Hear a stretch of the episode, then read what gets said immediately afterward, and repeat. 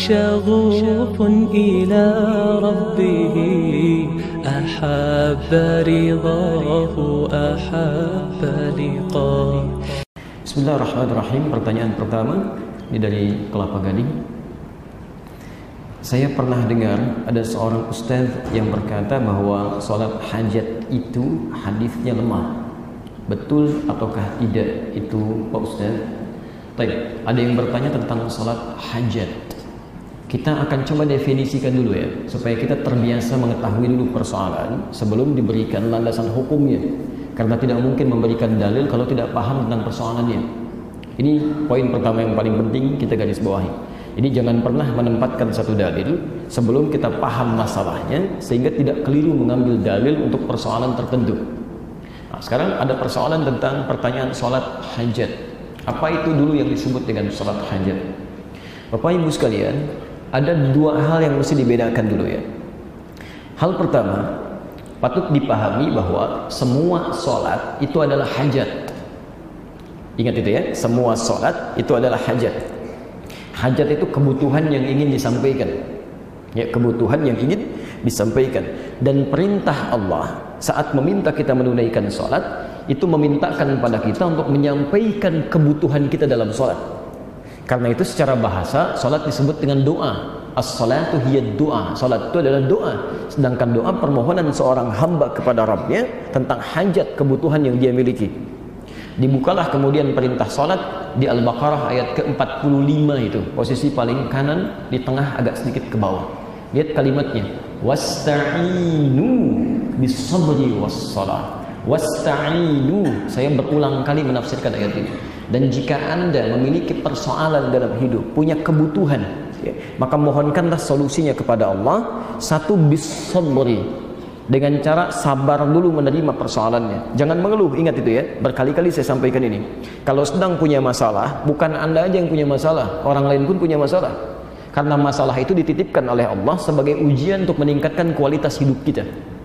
Dan standar masalah, standar Quran ya, Quran surah kedua ayat 286. La yukallifullahu nafsan illa wus'aha. Tidak mungkin Allah menguji seorang hamba dengan masalah kecuali dia sanggup mengatasinya.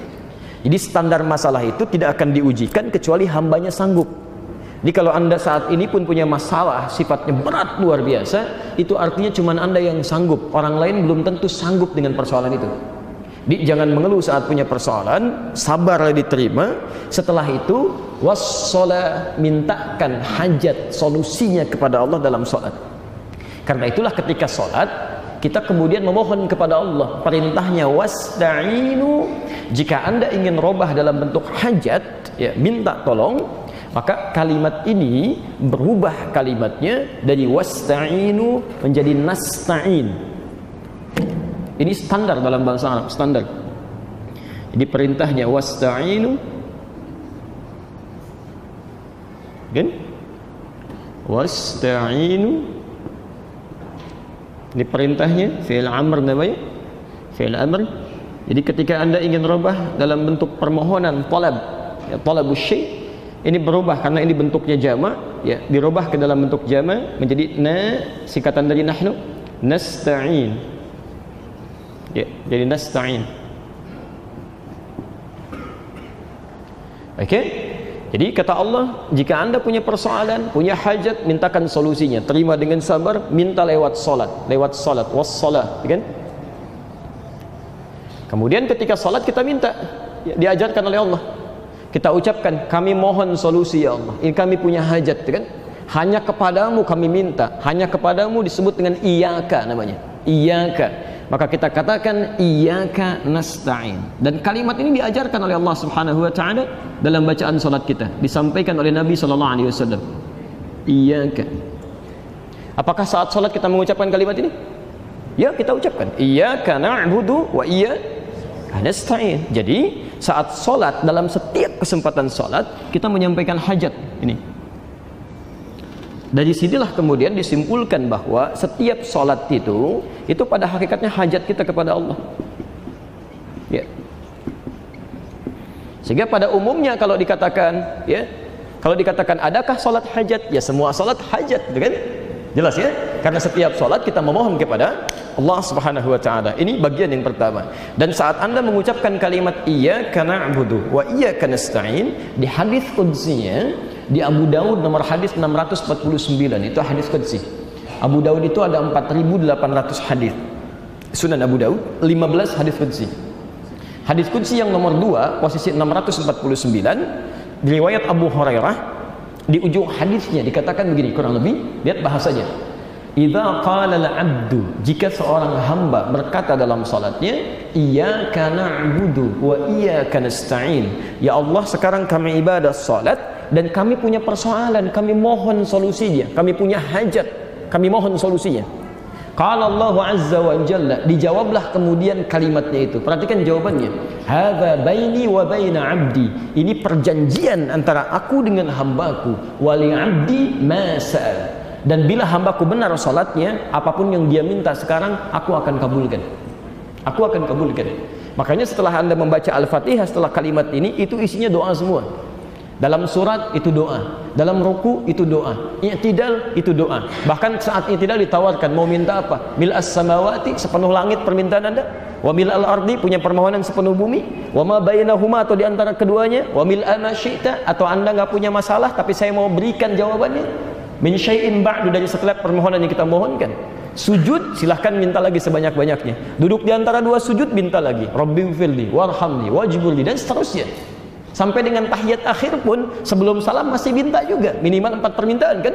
Di hadis Muslim nomor hadis 588. Allahumma inni a'udzubika min azabi jahannam wa min azabil qabri wa min fitnatil mahya wal mamat wa min syarri fitnatil masiihid dajjal. Jadi semua permintaan. Hajat dunia akhirat. Jelas ya? Baik, jadi bagian pertama kalau disebutkan salat hajat, semua salat itu hajat. Karena itulah kemudian diwajibkan kita sholat minimal lima kali dalam sehari yang wajib itu, yang fardu itu 17 rakaat, itu Allah nggak butuh dengan sholat kita. Jadi semuka langit dan bumi pun tidak sholat kepada Allah tidak akan menurunkan status Allah sebagai Tuhan. Allah nggak rugi, yang rugi kita. Karena Allah ingin menuntaskan seluruh hajat yang kita miliki. Jadi kalau orang sholatnya benar, subuh punya masalah, zuhur selesai. Selesai. Ya, maaf, zuhur punya masalah, asar tuntas. Karena kaidah salat begitu. Quran surah 65 ayat 2 ujung ujung ayat kedua ya kan? Sampai di ayat ketiga bahkan sampai keempat. Wa may yattaqillaha yaj'al lahu makhraja. Setiap orang yang meningkatkan takwa, maka kami berikan keringanan hidupnya, berikan solusi dari setiap persoalan yang dia alami. Wa yarzuqhu min haitsu la yahtasib. Semakin meningkat lagi takwanya, rezekinya kami berikan dari sisi yang bahkan tidak dia duga. Orang nyari rezeki lelahnya luar biasa, orang ini belum berangkat rezekinya sudah menunggu dia. Ya. Yang ketiga, wa may yattaqillah yaj'al lahu min amrihi yusra. Semakin meningkat lagi, kami jadikan semua urusannya mudah. Jadi kalau ada orang mudah beraktivitas bukan berarti nggak punya masalah. Barangkali semakin takwa dia, masalahnya diringankan oleh Allah sebelum dia alami. Bukan nggak punya masalah. Bukan tidak punya persoalan. Cuman sebelum dia lakukan, sebelum dia alami, Allah sudah ringankan karena dia berhasil meningkatkan takwanya kepada Allah Subhanahu wa taala. Nah, kalau Anda bertanya bagaimana cara meningkatkan takwa, disebutkan 115 kali dalam Al-Qur'an. Kalimat pertama tentang takwa itu terkait dengan salat. Al-Baqarah ayat kedua sampai 3. Dzalikal kitabu la raiba fi hudan lil muttaqin. Siapa orang takwa ini? Ayat 3-nya. Alladzina yu'minuna bil ghaib wa yuqimuna shalah. Yang sempurna salatnya. Jadi kalau salatnya benar, baik ditunaikan, maka selesai persoalan. Makanya mohon maaf, urusan sholat ini Nabi begitu ketat Pak. Bu ya, persoalan sholat Nabi sangat ketat. Anda salah sedikit saja, itu diminta diulangi. Bukan cuma kita tuh. Saya sering katakan hadis ini di Al-Bukhari, nomor hadis 751, 757, dan hadis Muslim nomor hadis 397. Babnya babul musi fi bab tentang orang yang sholatnya bermasalah. Qila bima ma'na ja'a rajulun ila Nabi sallallahu alaihi wasallam. Datang seorang laki pada Nabi sallallahu alaihi wasallam namanya Khalad Az-Zuraiqi. Kan? Kemudian fadakhala ila Masjidin Nabawi, masuk ke Masjid Nabi. Fa shalla bi jambin Nabi, salat di samping Nabi. Setelah tuntas salatnya falamma sallama yaminan wa shimala, setelah salam ke kanan dan ke kiri, faqala lahu Nabi sallallahu alaihi wasallam. Nabi sallallahu alaihi wasallam langsung berkata pada orang ini, "Shalli fa innaka lam tusalli." Anda silahkan salat lagi karena Anda belum salat. Padahal sudah salam. Fa'ada salatahu thalatha marat maka diulangi salatnya sampai tiga kali. Faqala lahu Nabi sallallahu alaihi wasallam mithla kana. Tapi Nabi tetap mengulang kalimat yang sama. Shalli fa innaka lam tusalli. Anda salat lagi karena Anda belum salat. Kemudian dia berkata, "Ya Rasulullah, ma uhsinu ghairah." Ya Rasulullah, saya tidak bisa lebih baik lagi daripada ini. Alimni tolong ajarkan saya. Maka diajarkanlah oleh Nabi, lihat kalimatnya, "Idza qumta ila shalah asbaghul wudu." Kalau salat kamu ingin sempurna, perbaiki dulu wudunya. Begini cara menyempurnakannya. Diajarkan dari awal sampai akhir. Thumma istaqbilil kiblat, menghadap ke kiblat. Begini caranya. Thumma fakabbir, kemudian bertakbir. Dari takbir sampai salam. Setelah tuntas pelajaran itu, kita mendengar kalimat sampai hari ini. Di Al-Bukhari nomor hadis 651. Sallu kama ra'aitumuni usalli. Salatlah kalian persis seperti melihat saya salat. Dilihat dulu Nabi salat, baru dari situ kita praktekkan. Ya kenapa sampai seketat itu? Ya, mohon maaf, Nabi tidak butuh dengan sholat kita, tapi Nabi menginginkan dengan sholat yang benar, semua hajat kita bisa dituntaskan oleh Allah Subhanahu Wa Taala. Jelas di sini? Nah, sekarang muncul persoalan kedua. Ini ada orang punya masalah subuh nih, ya, sampai dengan duhur. Sedangkan dia tidak bisa menunda. Jadi ada persoalan yang bisa dimohonkan dalam doa biasa di luar sholat. Ada persoalan yang saat sholat dituntaskan oleh Allah. Ada persoalan yang saat ada persoalan kita bisa berdoa langsung minta. Udhu rabbakum tabarru'an wa khuf wa khifa dunal jahri ya wa khifatan dunal jahri Quran surah ke-7 ayat 204 kalau punya persoalan ayo mintakan kepada Allah sebut namanya al asmaul husna ya bahkan di Quran surah 17 itu dari ayat yang 111 ya ayat yang terakhir dua ayat sebelum akhir itu jelas disebutkan Qulid Allah awid ar-Rahman ayyamma tad'u falahul asmaul husna. Setiap punya masalah cepat-cepat sebut nama Allah berdoa. Berdoa. Sebut namanya. Kalau paham betul cari nama yang sesuai dengan kebutuhan kita. Allah sudah sediakan nama-nama indah terbaik yang sesuai dengan kebutuhan kita. Misal kita punya masalah sebut namanya Ya Fattah rizki sebut Ya Razzaq ada orang iseng ya misal menjelek-jelekan kita fitnah dan sebagainya sebut ya jabbar minta perlindungan. Ada masalah luar biasa sebut ya sabar ya. tapi nggak usah disebutkan semuanya ya. Kadang saya suka dengar para ibu terutama disebut semua namanya. Ya Allah ya Rahman ya Rahim ya Malik ya Kudus ya semuanya. Ya antum tadinya nggak butuh jadi dikasih jadi repot tuh kan. Nggak punya masalah sebut ya sabar akhirnya dikasih masalah. Sudah diberikan mengeluh lagi kan. Dicari salah satu yang sesuai dengan kebutuhan aja Cari salah satu, ya Allah ya Fattah, ya Allah ya Qudus, ya Allah ya seterusnya. Baik itu di luar salat. Nah, sekarang bagaimana kalau ada masalah-masalah yang sifatnya sangat serius? Yang kebanyakan orang mengatakan ini nggak mungkin nih, nggak mungkin sembuh nih, nggak bisa ini, ini mustahil. Jadi semua sudah angkat tangan. Sedangkan persoalan itu sifatnya mendesak. Ya, tidak bisa menunggu waktu salat berikutnya karena persoalan tertentu, ya. Tayyib. Dari sinilah kemudian ada dua hadis yang dari dua hadis ini kemudian ulama berbeda pendapat dalam menilainya. Hadis ini berbicara tentang sholat yang khusus ditunaikan di luar waktu-waktu yang telah ditetapkan, bukan yang fardu tadi. Dan bukan sholat sunnah biasa, bukan syuruk, bukan duha, bukan rawatib, tapi satu salat yang dikhususkan dikerjakan alhamdulillah ketika terdapat persoalan tertentu yang sangat urgen yang makhluk sudah mengatakan ini tidak mungkin atau bukan urusan makhluk lagi. Maka dari sini kemudian diistilahkan dengan sholat hajat dalam pembahasan fikih, bukan sholat yang pertama tadi. Jelas di sini? Nah, pembahasan ini sebetulnya ada di satu kitab yang sama, cuman beda satu nomor. Sebentar. Di At-Tirmidzi. Di At-Tirmidzi.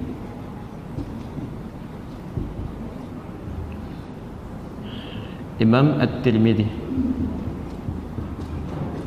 Nama aslinya Muhammad ya, berasal dari Tirmidz. Ada yang menyebut Turmuz maka dikenal dengan At-Tirmidzi. Ini orang soleh Pak. Bu.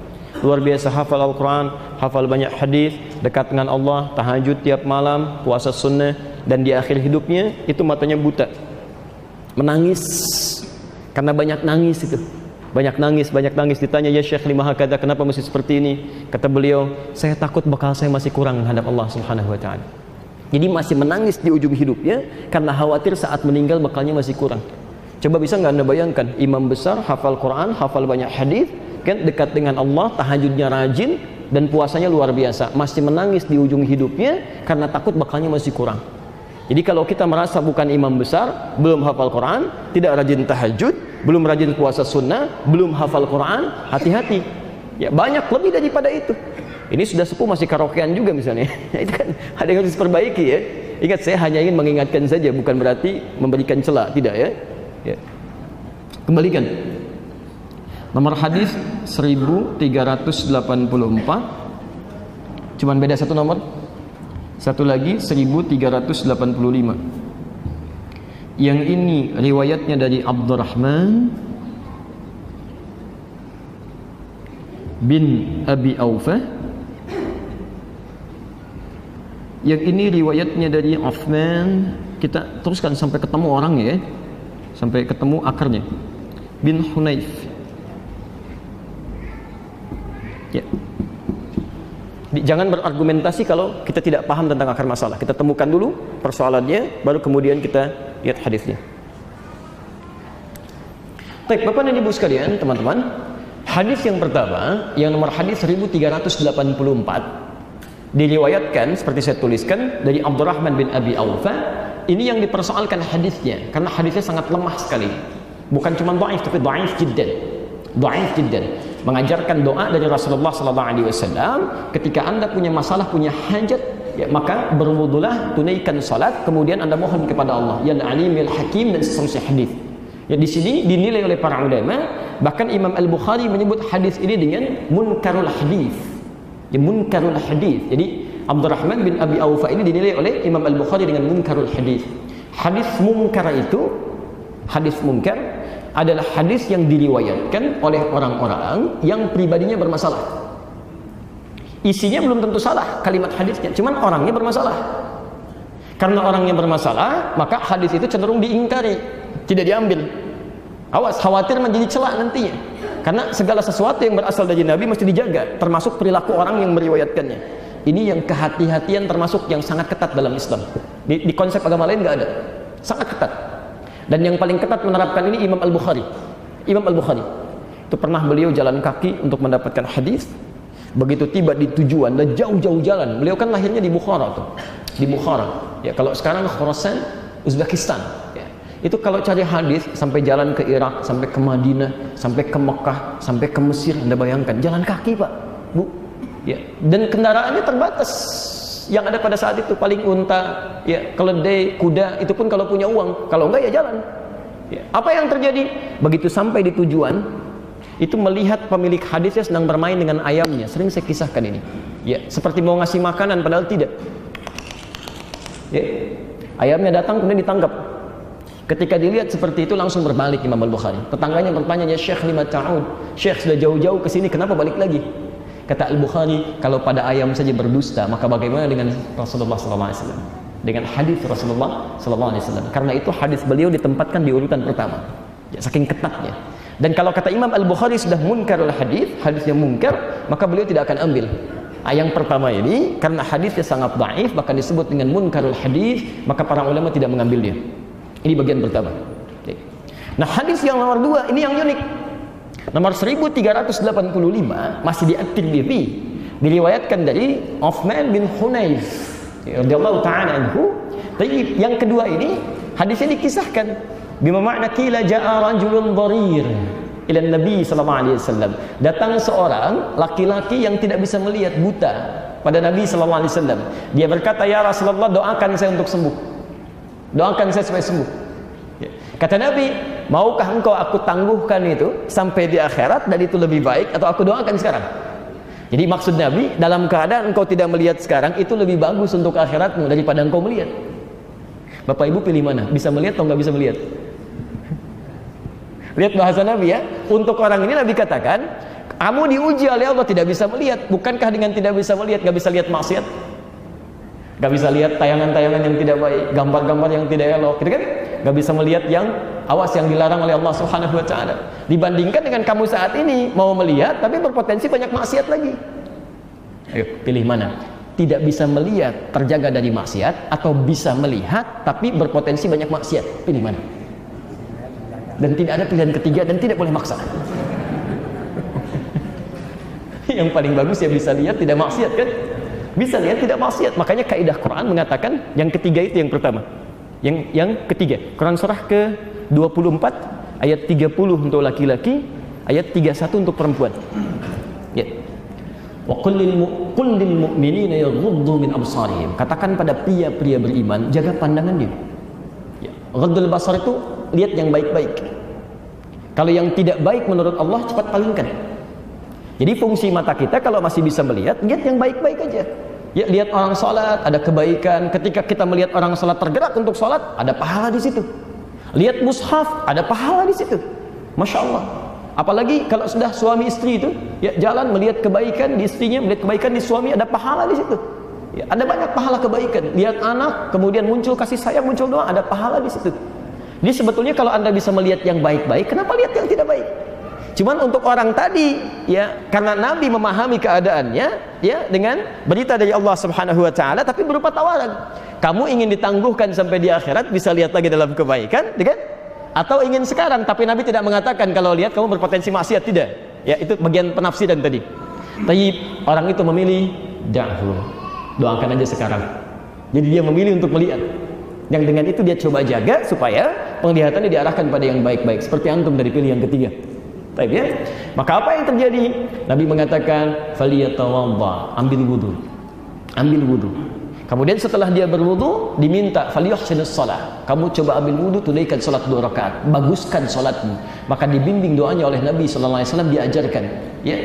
Ya Nabi ya rahmah, ya, wahai ya Allah atas Nabi yang penuh dengan rahmat ini, mohon jadikan syafaatnya untukku, asyini bi syafaati. Sembuhkan aku dengan syafaat Nabi Muhammad sallallahu alaihi wasallam. Maksudnya dengan doa dan arahannya tadi. Maka apa yang terjadi setelah dia menunaikan salat itu dengan izin Allah Subhanahu wa taala sembuh matanya sekalipun divonis permanen buta pada saat itu. Baik, hadisnya sahih. Hadisnya sahih.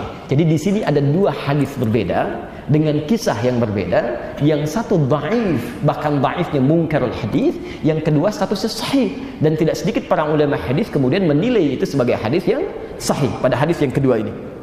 Dari sinilah kemudian ulama berbeda pendapat. Ada satu yang tetap mempertahankan hadis yang pertama. Saya ingin mendahulukan hadis yang tidak sahih dulu sebagai kehati-hatian.